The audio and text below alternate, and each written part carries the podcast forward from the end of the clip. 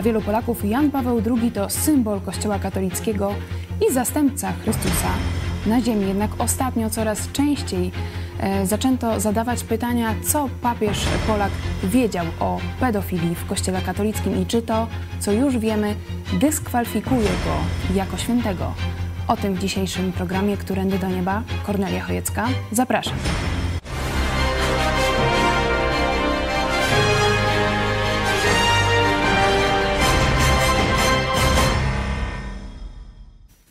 Moim i Państwa gościem jest pastor Paweł Chojecki, redaktor telewizji Idź Pod Prąd. Witam Cię serdecznie. Witam Ciebie, witam Państwa.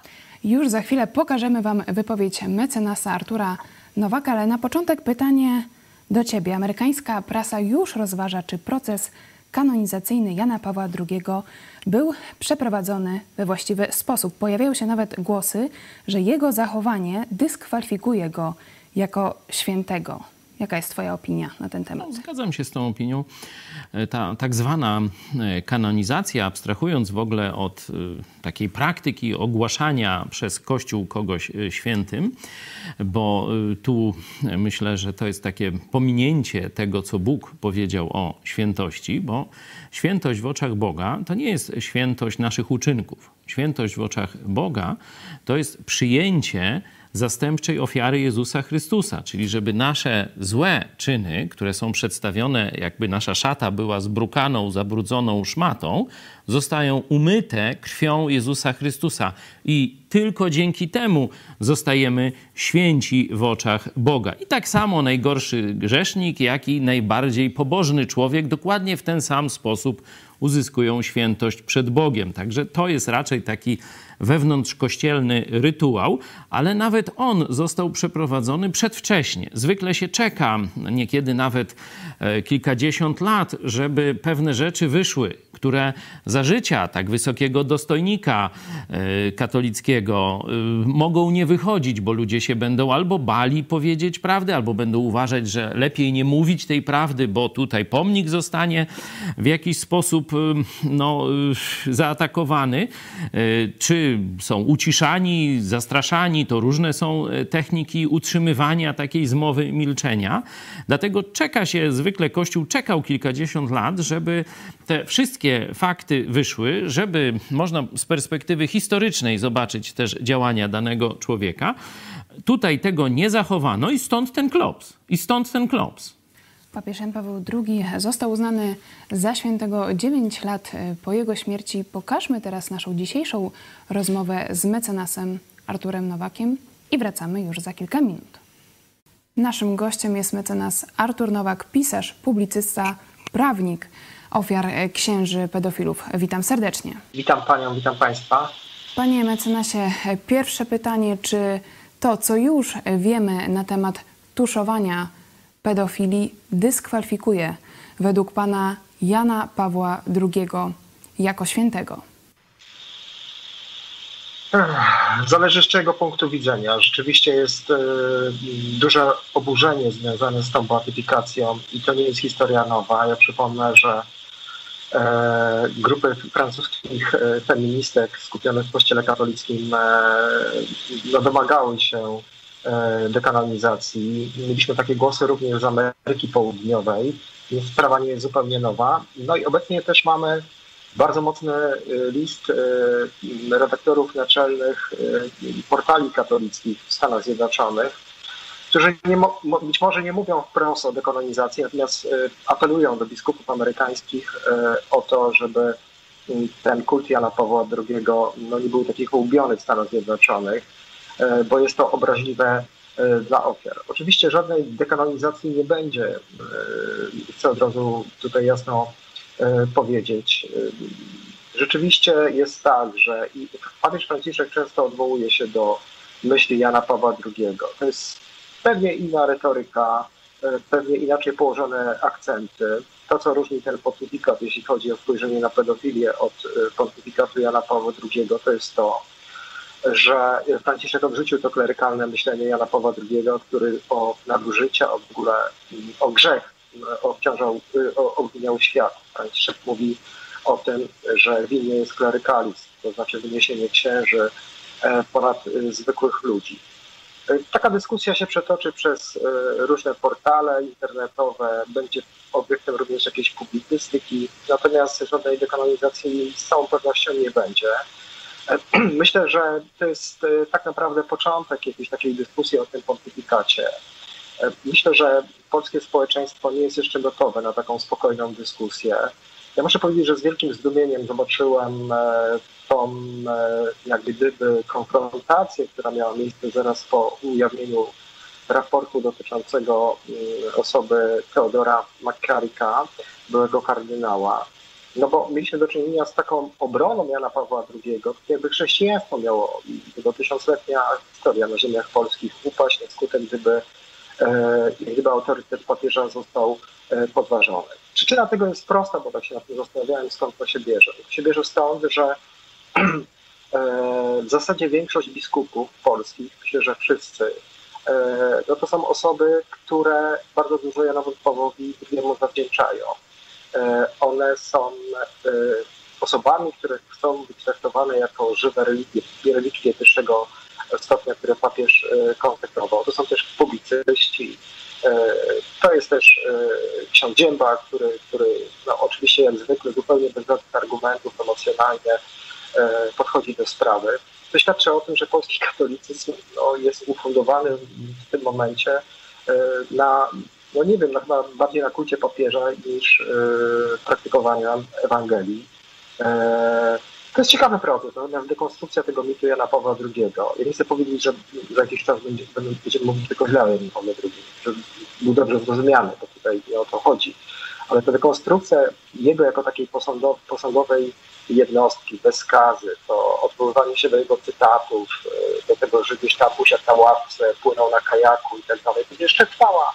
Mi to przypomina mm, taki nurt yy, takiego socrealizmu, ja to nazwał katoralizm.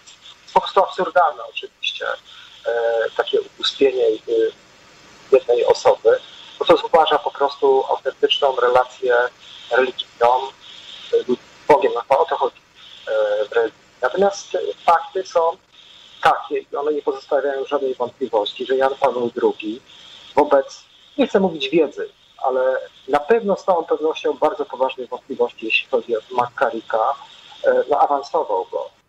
Fakty są takie, że w połowie lat 90. już Jan Paweł II miał doskonałą wiedzę na temat e, zbrodni, których dopuszczał się e, Hermann Gier, kardynał austriacki, który awansował podobał się papieżowi dlatego, że to był taki zwykły, prosty religijny z uwagi na jego taką prostolinijność, kult Maryi. Przypomnę, 2000 ofiar na sumieniu, e, skandal w 1995 roku.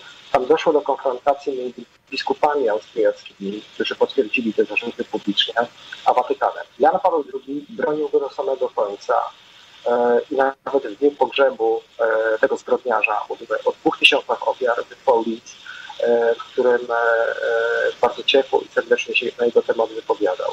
To jest sprawa karty Tałalo. No, no, no, pan, no pan mówi o faktach, ale mamy oświadczenie Kolegium Rektorskiego Katolickiego Uniwersytetu Lubelskiego, w którym czytamy, że za tezami oczerniającymi świętego Jana Pawła II nie idą żadne fakty. Jak pan skomentuje to oświadczenie Kulu? Ja myślę, że takie działania niektórych publicystów sprawiają, że Jan Paweł II jest postacią bardzo groteskową. E, no powiedzmy sobie szczerze, każda osoba e, taka otoczona taką atencją, e, gdzie nasza uwaga skupia się w zasadzie tylko na niej i abstrahuje od pewnego szerszego kontekstu politycznego, religijnego, powoduje, że ta osoba staje się postacią groteskową. To jest działanie po prostu, które kompletnie nie, nie, nie pomaga Janowi Pawłowi II. Ja myślę, że rzeczywiście dobrze by było, gdyby na przykład KUL otworzył jakąś dyskusję na ten temat. Na przykład e, dał się wypowiedzieć osobom, które e, no niekoniecznie uważają Jana Pawła II za taką e, postać wybitną, które zarzucają mu przecież to jest powszechnym faktem e, i to jest doskonale opisane na literaturze zachodniej, bo w Polsce, w Polsce takie książki e, trudno, trudno, trudno wydać. E, e, jak zahamował reformy Kościoła po Soborze. E, No oczywiście my możemy generalnie tkwić w tym takim fantazmacie wielkiego papieża, który nigdy nie popełniał błędów, który miał zawsze rację i szukać jakiejś racjonalizacji, tylko że te racjonalizacje są coraz bardziej absurdalne, no bo jeżeli ktoś mi mówi, że za ochronę Gera odpowiada kardynał Sodano, za ochronę Masiela de Logado odpowiada e, Dziwisz, jeśli chodzi o Makarita również Dziwisz. To jest pytanie, w jaki sposób on tym kościołem zarządzał. No przecież mówimy o bardzo poważnych sprawach, bardzo poważnych oskarżeniach. No pedofilia z całą pewnością już e, w przestrzeni kościoła w latach 90. była bardzo poważnym problemem. Jednym z podstawowych. No, ona zdziesiątkowała kościół na zachodzie Europy, ona zdziesiątkowała kościół e, w Stanach Zjednoczonych. No więc jest pytanie, co dla Jana Pawła II było priorytetem. Czy rzeczywiście on nie czytał gazet? E, jakimi ludźmi on się w ogóle otaczał, że oni mu o tych problemach Kościoła e, mówili? możemy szukać jakichś fantastycznych zupełnie e, racjonalizacji, ale trzeba po prostu o tym rozmawiać i przed tą rozmową na temat Jana Pawła II, analizy jego pontyfikatu nie uciekniemy. To jest kwestia lat. Jest on zbyt ważną dla Polaków osobą, E, żeby nie znalazł się ktoś, a wiem, że już takie osoby są, które by na ten temat w sposób analityczny e, i, myślę, że odkrywczy bardzo e, nie pisały. To jest kwestia czasu i my przed tą dyskusją nie uciekniemy. Miejmy nadzieję, że Polacy będą otwarci na tę dyskusję. Dziękuję za rozmowę. Był z nami mecenas Artur Nowak. Dziękuję ślicznie, pozdrawiam. Do zobaczenia. Przy okazji polecamy książkę mecenasa Artura Nowaka Duchowni o duchownych. Są to rozmowy z duchownymi i e, byłymi duchownymi. Bardzo ciekawa pozycja. Mecenas Artur Nowak mówi o kato realizmie i mówi, że działania na przykład Katolickiego Uniwersytetu Lubelskiego, e, który twierdzi, że te oskarżenia pod adresem Jana Pawła II nie mają pokrycia w faktach, czynią postać Jana Pawła II groteskową. Czy zgadzasz się z mecenasem Nowakiem? Tak, y, myślę, że nawet poszedłbym dalej, że sam Jan Paweł II godził się na taką, można powiedzieć, troszeczkę no, właśnie groteskową y, budowę swoje, swojego wizerunku. To takie obnoszenie się z jakimiś tymi tam kremówkami, czy, czy taka, taka próba podejścia do popkultury, nie? żeby tutaj wygrać e, swój wizerunek, papież Franciszek poszedł dalej, te dziurawe buty, ten dom świętej Marty, jakiś tam stary samochód czy taksówka, no takie komedyjki e, odstawiał różne, no to to jest mniej więcej z tego poziomu, ale jest jeszcze rzecz gorsza. Przecież za życia Jana Pawła II zaczęto mu stawiać pomniki. Czyli można powiedzieć, że został uznanym świętym za, za życia. życia. Tak. I Jan Paweł II no nie mógł o tym nie wiedzieć przecież, że w jego ojczyźnie już roi się od y, pomników mu stawianych, że one są nawet w kościołach w jakiś sposób już pewnemu kultowi te obrazy czy, y, czy pomniki poddawane. Y, stąd się godził na to. Nie? No i dzisiaj ci jego następcy na kulu czy, czy gdzieś, no to rzeczywiście idą w tym kremówkowo-groteskowym kierunku. Tutaj ta nazwa katorealizm to rzeczywiście z katokomuną mi się kojarzy. Bardzo, bardzo trafne porównanie. Chciałam na chwilę skupić się na tym, jak Jan Paweł II wpłynął na religijność Polaków. W tym roku była obchodzona setna rocznica urodzin Karola Wojtyły. Ty w latach 80. z ateisty, można powiedzieć, przeszedłeś na pozycję dość gorliwego katolika. Co dla ciebie osobiście znaczył Jan Paweł II?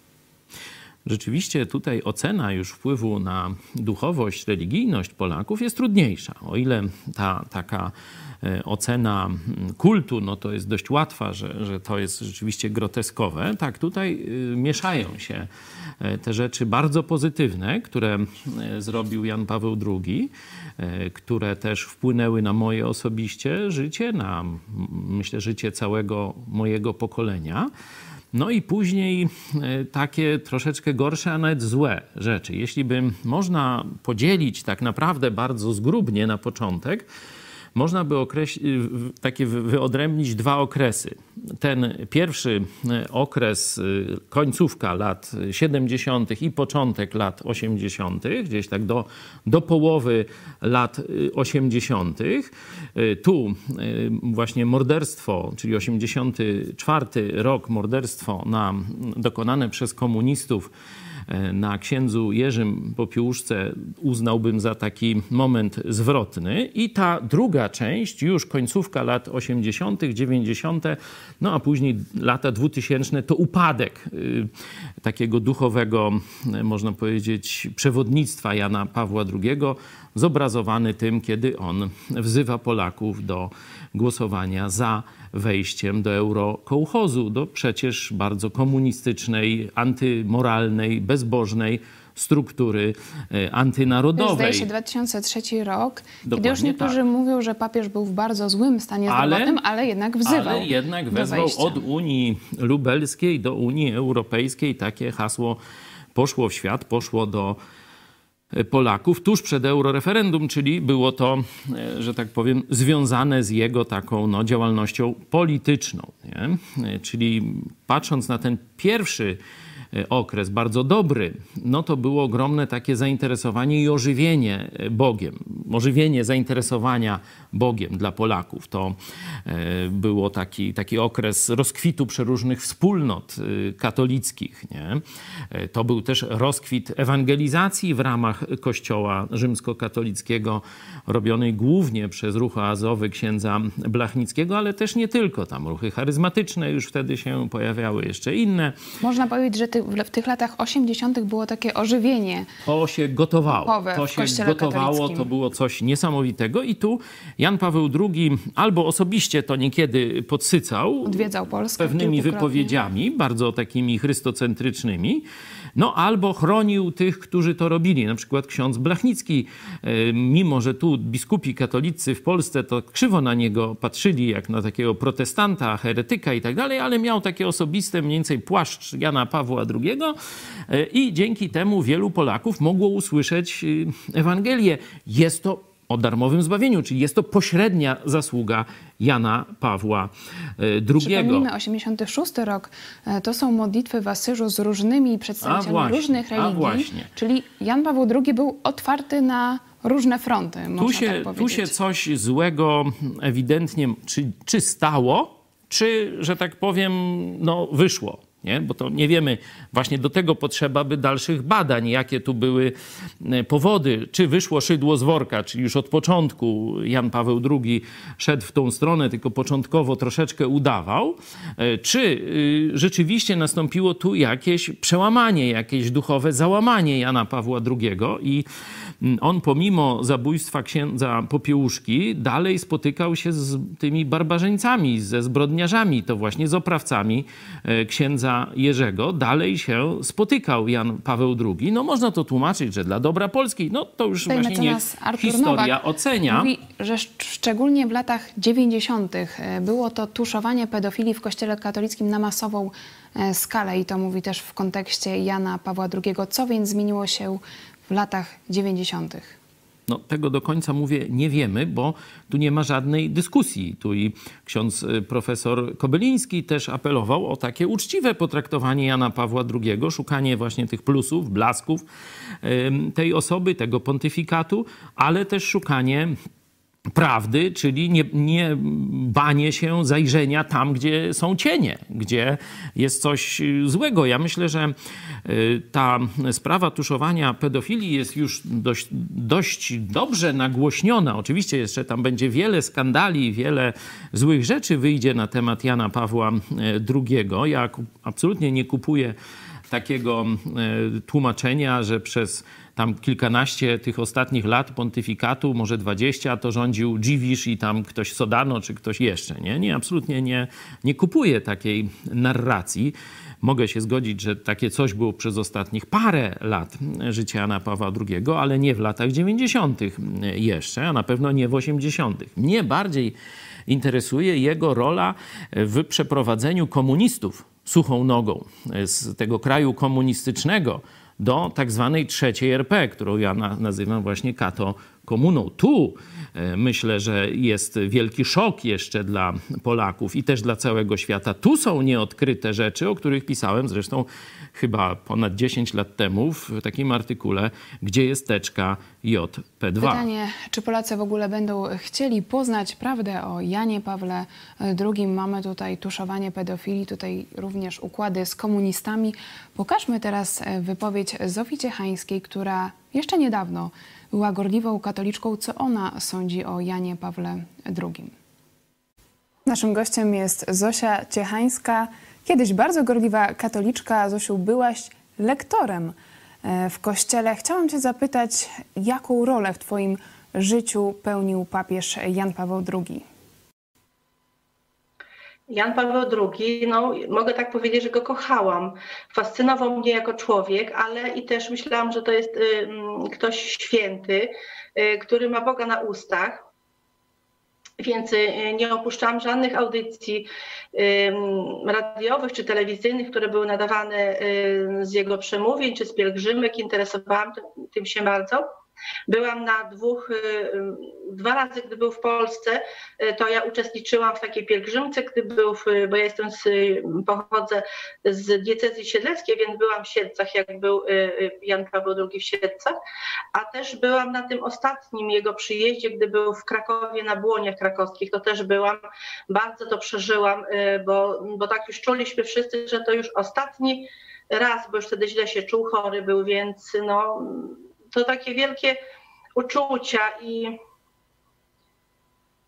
związane bardziej z uczuciami niż z tym, y, o czym on mówił. No, ja tylko zapamiętałam y, z nauczania Jana Pawła II, to jak był w Warszawie, o tym niech duch twój wstąpi i, odnowi ziemię. No i kremówki. W sumie to tak więcej nic nie pamiętam z tego, co on mówił. A co byś chciała dzisiaj e, przekazać e, katolikom, którzy są rozczarowani e, kolejnymi wieściami, które słyszymy z Watykanu, z reportażu TVN-u o tym, że być może Jan Paweł II brał udział w tuszowaniu pedofilii w kościele. Jak dalej w ogóle żyć w takim kościele? E, mimo, że nawróciłam się, to ciągle miałam taki serdeczny stosunek do Jana Pawła II, ale bo nie miałam tej świadomości, że jednak jako człowiek, jako papież, no, jako przywódca y, Kościoła katolickiego krył y, jednak te straszne rzeczy, które się działy y, w jego kościele, no a wtedy to i w moim kościele. Więc ten autorytet zaburzył mi się bardzo. Mimo, że się nawróciłam, to miałam takie pozytywne uczucie do papieża. Co byś w takim razie radziła ludziom, którzy teraz już powoli nie mają tego autorytetu e, papieża Polaka? No, największym autorytetem to dla chrześcijanina powinien być Jezus Chrystus i Jego Słowo. No, żaden człowiek nie zastąpi Jezusa Chrystusa, nie zastąpi Biblii, więc y, gdyby był nawet największym mocarzem, najpiękniej mówił, y, dokonywał pięknych rzeczy, no to jednak nie zbawia. Zbawia Jezus Chrystus. I to powinno mm, Polakom y, uzmysłowić, że jednak y, Słowo Boże powinno być autorytetem, a nie żaden człowiek. Bardzo Ci dziękuję za ten apel. Na koniec polecam również ostatnią spowiedź z Twoim udziałem. Znajdziecie na naszym kanale YouTube. Była z nami Zosia Ciechańska. Myślę, że Zosia to bardzo celnie ujęła. Mówi, że kochała papieża Jana Pawła II, ale w zasadzie z jego przesłania, z jego pontyfikatu pamięta kremówki i to te słowa niech stąpi duch Twój i odnowi oblicze tej ziemi. Jak postać Jana Pawła II, jego kult w Polsce, można powiedzieć, wpłynął na religijność Polaków? Tak jak powiedziałem, początkowo w latach końcówka 70., początek 80., bardzo pozytywnie wysyp różnych wspólnot, y, takie odważne przyznawanie się do Chrystusa, do Kościoła, też przez to mm, wydarzenia związane e, z protestem Solidarności. Ale później myślę, że Szczególnie dało to Polska, ta najbardziej myśląca i świadoma część inteligencji polskiej, no to zawiodła się na papieżu, który, można powiedzieć, pobłogosławił okrągły stół Nie? To, to, to myślę, że tu już pierwszy, pierwszy jest taki, taki wyłom, że coś tu jest nie tak. Gdzie tu jest sprawiedliwość? Gdzie jest rozliczenie krzywd? Gdzie jest naprawienie krzywd? Gdzie jest taka, takie elementarne poczucie, że nie może być tak, że zbrodniarze korzystają na zbrodniach w rzekomo wolnym, sprawiedliwym państwie. Nie? To był pierwszy taki, e, taki wyłom. Drugi pojawił się, tak jak powiedziałem, w 2003 roku, kiedy papież wsparł komunistów europejskich w tym projekcie e, no, ponadnarodowego tworu, jakim jest Unia Europejska. A do tego jeszcze w latach 90., kiedy no, można było już wyjeżdżać na zachód, kiedy pojawiły się pierwsze komputery, pokazane zostało naocznie, że to tak zwane pokolenie JP2 nie istnieje. I tu Zosia bardzo trafnie powiedziała. To był emocjonalny zachwyt. O, mamy Polaka papieża, już teraz komuniści nam mogą naskoczyć, nie? Ale za tym nie poszła żadna głębsza refleksja, a na pewno nie poszło zwrócenie się do Jezusa Chrystusa i Jego słowa. I dlatego ludzie, Jan Paweł II, Jan Paweł II, no ale co? Co ci dał Jan Paweł II? Był co Polakiem. pamiętasz? No nic. Nawet gorliwa katoliczka tam z, z biskupami na obiadach y, przebywała i rozmawiała i tak dalej. Nic nie pamięta, tylko kremówka praktycznie, nie? Także to jest y, ta pustka lat 90. Ogromne sprawdzam i nie ma żadnego duchowego, e, można powiedzieć, przełożenia z pontyfikatu Jana Pawła II na współczesną Polskę, na jej relacje z Bogiem. Wręcz nawet można powiedzieć, e, tutaj mm, mecenas Nowak dał taki, że kult y, Jana Pawła II zamiast Ewangelii. Ja bym powiedział więcej. Kult Jana Pawła II zamiast Boga. To jest wpływ Jana Pawła II na religijność Polaków. Już za chwilę zastanowimy się nad tym, co dalej, jeśli upada mit Jana Pawła II w Polsce, czy nie wpłynie to szczególnie na młode pokolenie, że odejdzie ono od Boga, ale mówiłeś o tym, że inteligencja zawiodła się na Janie Pawle II. Pokażmy naszą rozmowę z Agnieszką Rzepką-Bastą z Krakowa, pedagog, reżyser e, teatralnym, która była bardzo gorliwą katoliczką i mówi o w swoich e, wspomnieniach z Janem Pawłem II. Z nami jest Agnieszka Rzepka-Basta, pedagog i reżyser teatralny z Krakowa. Witam cię serdecznie. Dzień dobry, witam Państwa bardzo serdecznie. Agnieszko, ty przez wiele lat byłaś gorliwą katoliczką. Jaką rolę w twoim życiu duchowym pełnił papież Jan Paweł II? Będąc katoliczką, byłam bardzo zżyta z autorytetem, z osobą Jana Pawła II. W domu na moim rodzinnym wisiały obrazy papieża, nosiło się właściwie wszędzie i w torebce, i w portfelu, i w książkach jako zakładka. Pamiętam też przeżycia, jakie mi towarzyszyły, jak byłam z moją siostrą na pierwszej pielgrzymce y, w Sandomierzu w 1999 roku. Później Kraków, Błonia. No, to wszystko było. Pomimo, że nie przepadałam za tłumem, to gdzieś osoba Jana Pawła II, jego taka charyzma i to, że potrafił właśnie przyciągnąć masę ludzi, no gdzieś właśnie te lęki umykały i, i, i chciałam w tym uczestniczyć. Później osoba Jana Pawła II bardzo żywo zapadła mi w pamięci w szczególności jego twórczość aktorska, przede wszystkim jego udział w powoje, powojennym teatrze rapsodycznym, jego przyjaźń z Danutą Michałowską, Mieczysławem Kotlarczykiem, no właśnie rapsodykami. Ja się bardzo interesowałam teatrem rapsodycznym, w szczególności jego spuścizną romantyczną, Mickiewiczem, Słowackim, Norwidem. Sama też wzrastałam w takim kręgu teatru. No i właśnie Wojtyła tam odgrywał bardzo, bardzo dużą rolę. Szczególnie ważny był dla mnie list, jaki napisał do artystów żywego słowa. Trzeba przyznać, że mm, Wojtyła był bardzo utalentowanym aktorem, był świetnym mówcą i właśnie pisał on, że żyjąc i działając, człowiek y, określa swój stosunek do bytu, do prawdy, do dobra, do piękna. I właśnie uderzyły mnie jego słowa dotyczące artystów, że mm, oni w sposób szczególny obcują z pięknem i muszą za ten piękny język, za ten piękny mm, artyzm być odpowiedzialni. On pisał mm, tak bardzo realnie y, o sensie piękna, że jest powołaniem zadanym przez Stwórcę wraz z jego darem, z talentem artystycznym. No, rzecz jasna, ten talent należy pomnażać zgodnie właśnie z umową ewangeliczną przypowieści o talentach. Często też cytował Norwida. Bardzo, bardzo nam się to, pamiętam, podobało, bo piękno jest to, co zachwyca, prawda, do pracy, praca, by się z martwych wstawało. No i wtedy y, właśnie no bardzo, bardzo to wspominam tak, y, że to Wojtyła na pewno miał duży wpływ na mój rozwój y, duchowy. Jedyne, co mnie w młodości tak zastanawiało i faktycznie długo to rozważałam, to pamiętam, to chyba była końcówka lat 90., jak Wojtyła pocałował Koran. Mnie to po prostu nie mogłam nie mogłam w to uwierzyć, że tak się mogło stać, że, że można, można po prostu pocałować. I, I wiem, że to mm, gdzieś zostało w mojej głowie.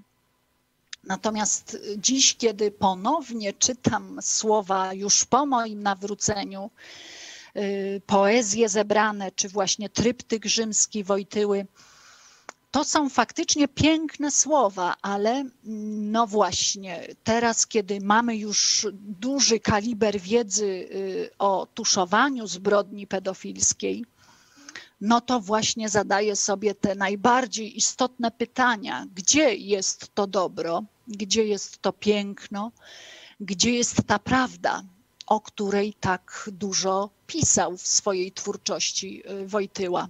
I dostrzegam jakąś aberrację, jakąś sprzeczność, bo przecież nie można pisać o wartościach tak wielkich, nie żyjąc tymi wartościami, bo to jest kłamstwo. Delikatnie mówiąc, jestem rozczarowana osobą Jana Pawła II i myślę, że ten mit y, zaczyna upadać, że ta spuścizna może nie przetrwać z prostego powodu.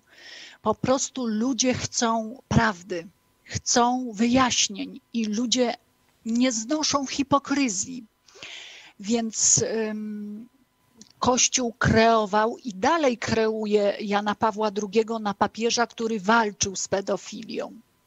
Natomiast y, te fakty no, coraz, y, coraz bardziej mówią przeciwko, mówią inaczej i i myślę, że przyszedł taki czas, gdzie należy się zastanowić nad y, pomnikami Jana Pawła II, na pewno y, badać tę sprawę, reagować i właśnie zadawać ludziom pytania, dlaczego ten człowiek y, no, został tak bardzo wywyższony.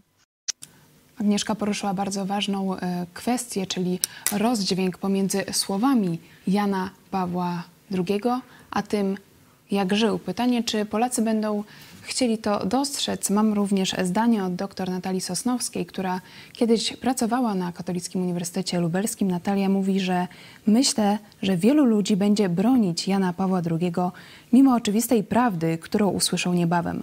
Myślę, że to raczej ci, którzy odważą się ją powiedzieć, zostaną obrzuceni błotem, ale ktoś musi zacząć.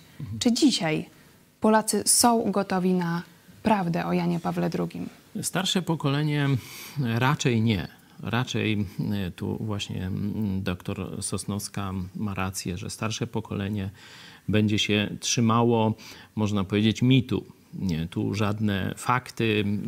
Zawsze będzie próba jakiegoś takiego tłumaczenia, że on nie wiedział, tu był stary, tu był chory, tu chciał dobrze, a mu nie wyszło i tak dalej. Przecież nawet słyszałem, Agnieszka powiedziała o tym całowaniu Koranu. To rzeczywiście jest szok dla katolików, ale i to katolicy potrafili sobie wytłumaczyć, że to było niezaplanowane i że tak nagle mu dali i on tak nie wiedział, co zrobić, no to wziął i pocałował, nie?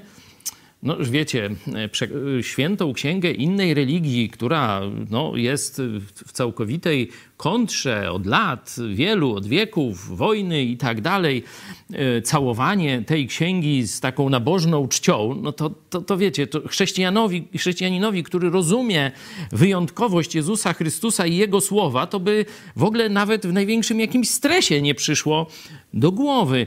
A już Asyż, no to, to, to przecież jak to?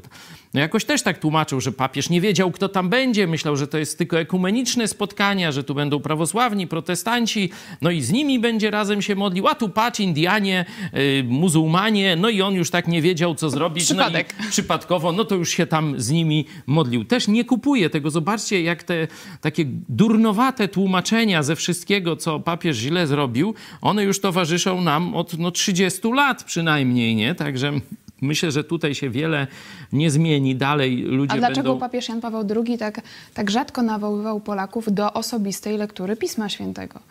No to już się, tego się nie dowiemy. Wiem, że jako młody chrześcijanin, już nowonarodzony, to tak słuchając tych jego homilii, tak o, jest, mówi o miłości Boga, czyli pierwsze prawo życia duchowego, ta książeczka, którą w ruchu azowymśmy ludziom pokazywali za pomocą jej, głosiliśmy Ewangelię o tym, jak można dostać się do nieba, tylko i wyłącznie dzięki zawołaniu osobistemu do Jezusa Chrystusa. O, potem mówi o grzechu ludzkości. Super, ale fajnie. Teraz zaczyna mówić o Jezusie, że tylko Jezus, że jest jedyną drogą. A teraz mówi, no to przyjmijmy Jezusa eucharystycznego.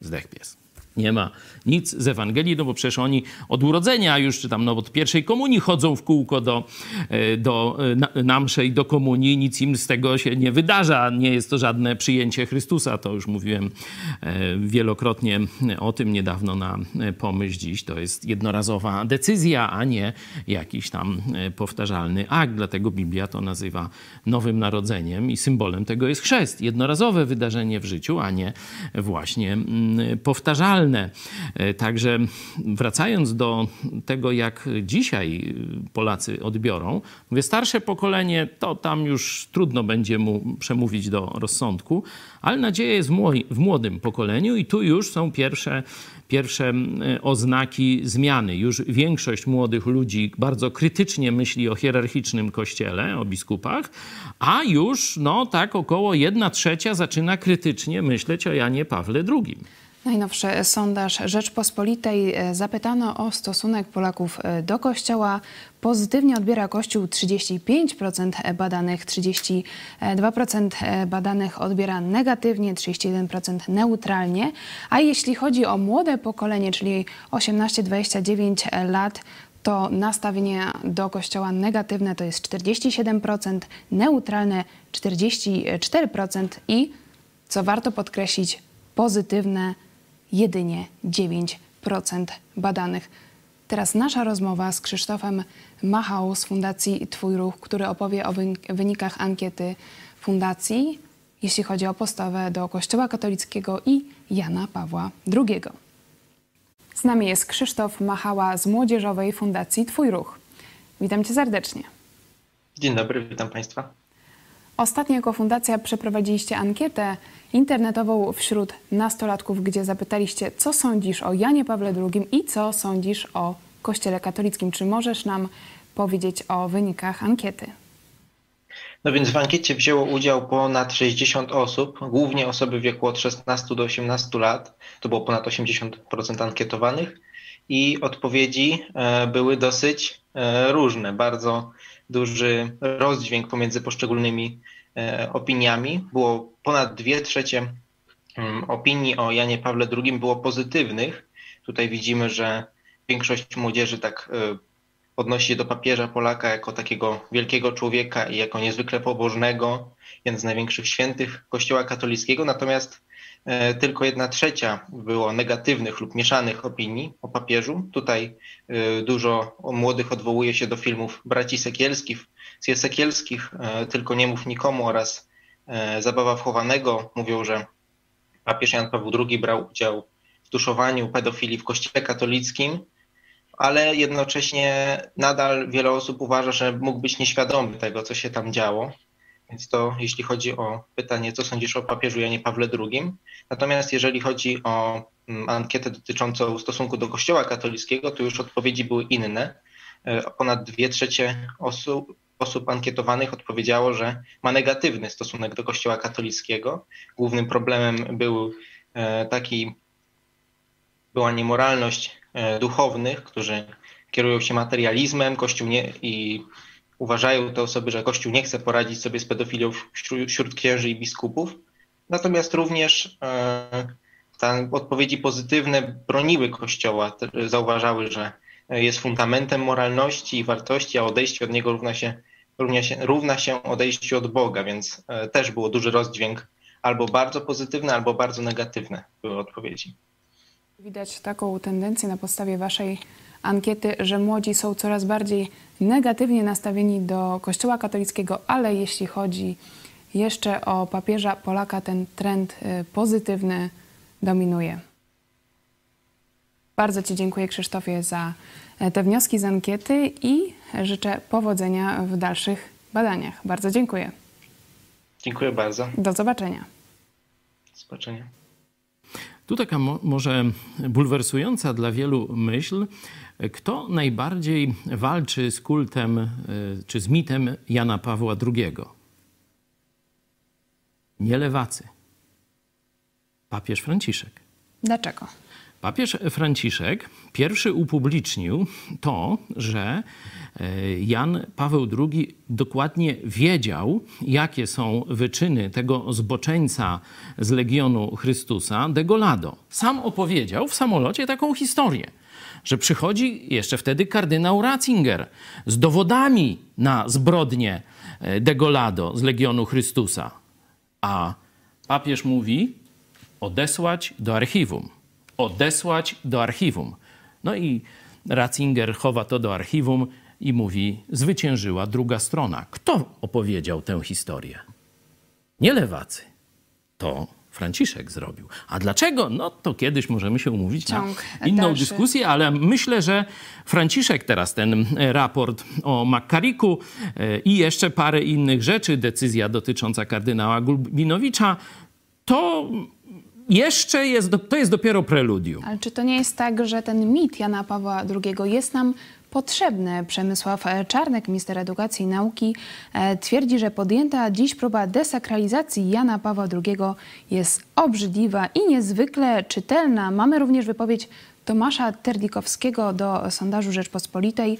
Boję się, że ci młodzi ludzie, którzy dziś pozytywnie oceniają Jana Pawła II, ale jednocześnie krytycznie patrzą na obecne działania Kościoła w sprawach pedofilii, pod wpływem tych właśnie działań zmienią zdanie o Janie Pawle II. To przeraża Tomasza Terdikowskiego, czy ciebie również? Mnie to w ogóle nie przeraża, no bo jeśli z kłamliwego na prawdziwe tak się często powtarza e, słowa Jezusa, że prawda was wyzwoli, to i Czarnek, i Terlikowski zapomnieli o tym, że prawda wyzwala, a nie y, gdzieś prowadzi na manowce. Widać, że bardzo się boją, że ten mit Jana Pawła II w końcu upadnie w Polsce. Ci ludzie, którzy za wszelką cenę, wbrew prawdzie, bronią tego mitu Jana Pawła II, tak naprawdę nie znają prawdziwego Boga. Ja zacytuję Jeden fragment z Pisma Świętego to jest Księga Jeremiasza, 17 rozdział. Słuchajcie, Państwo, dość krótki. Tak mówi Pan. Przeklęty mąż, który na człowieku polega i z ciała czyni swoje odparcie, a od Pana odwraca się jego serce. Jest on jak jałowiec na stepie i nie widzi tego, że przychodzi dobre. Mieszka na zwietrzałym gruncie, na pustyni, w glebie słonej, niezaludnionej. To są słowa Boga. Sam Bóg to powiedział. Jeśli z człowieka uczynisz fundament swojego życia duchowego, to jesteś już przegrany. Jesteś jak jałowiec na słonej, wysuszonej, wyjałowionej ziemi. Także ci ludzie, którzy bronią za pomocą fałszu dzisiaj już tego kultu, który nie da się obronić, w rzeczywistości nie tylko, że nie znają Boga, ale prowadzą innych na manowce tej spalonej, wysuszonej, zasolonej, nieżyznej ziemi. Na koniec dzisiejszej dyskusji warto zastanowić się, co dalej. Marcin Przeciszewski, szef Katolickiej Agencji Informacyjnej, komentując e, sądy Rzeczpospolitej, mówi, że to dzwonek alarmowy, który powinien wywołać poważną dyskusję na temat tego, w jakim kierunku Kościół katolicki w Polsce powinien iść. Jesteśmy na zakręcie historii. Co czeka nas za tym zakrętem? Yy, myślę, że katolicka ta elita przespała. Dzisiaj to już za późno. Dzisiaj to już jest po sprawie. Tu ksiądz profesor e, Kobyliński bardzo jasno mówi. Teraz ten katolicyzm polski obrzędowy się zawali i tu już nic nie pomoże. To już się musi zawalić. To są słowa księdza profesora, nie moje. Tego się nie da uratować. Wręcz takich słów używa ten wielki myśliciel katolicki. Zawali się mit Jana Pawła II, zawali Myśmy- się Kościół. Myśmy mówili wiele lat temu. Ja tutaj w telewizji Idź Pod Prąd jeszcze na początku pontyfikatu Franciszka, później tu w 2015-16 roku biłem na alarm i mówiłem, katolicy, pomóżcie teraz skierować uwagę szczególnie młodego pokolenia bezpośrednio do Pisma Świętego. Skierujcie do żywej relacji z Chrystusem, bo tu będzie trzęsienie ziemi. Ten wasz katolicyzm się jak puch roz, rozpiży. Przepadnie, zniknie w młodym pokoleniu. A oni, sekciarz, heretyk. No to teraz zobaczycie, co będzie, a wy już jesteście z ręką w nocniku. Ci wszyscy terlikowscy, przeciszewscy i reszta. Wskazałeś na Nowy Testament i niech będzie to puenta do dzisiejszej dyskusji.